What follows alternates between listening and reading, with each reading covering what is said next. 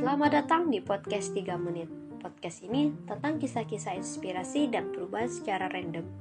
Buat kalian yang malas baca buku, di sini gue bahas secara ringkas, padat, dan jelas dengan logat gue.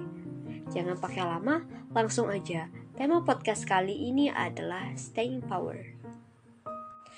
Tahukah kita bahwa konsentrasi dan daya tahan dibutuhkan untuk mencapai sesuatu dalam hidup kita?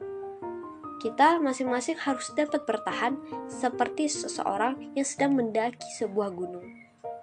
Walau diserang rasa lelah, penat, dan letih, seorang pendaki akan mencoba bertahan sekuat tenaga.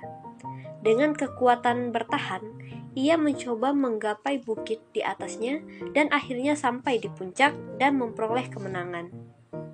Sebenarnya, kesulitan yang datang di dalam hidup memberikan kita latihan untuk bertahan sehingga bila dapat mengatasinya, kita dapat dikuatkan untuk mengatasi kesulitan yang lebih besar lagi.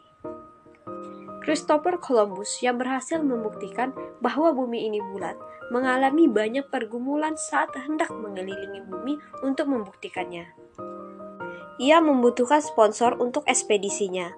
Lalu, ia mencoba mendekati John, raja Portugis, kemudian Pangeran Medina Celi dari Spanyol, serta Raja dan Ratu dari Kastil, Spanyol.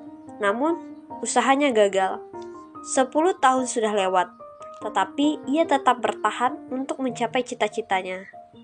Akhirnya, pada April 1492, Ratu dari Kastil bersedia menjadi sponsor bagi ekspedisinya. Pada 12 Oktober 1492, ia mendarat di Amerika Utara.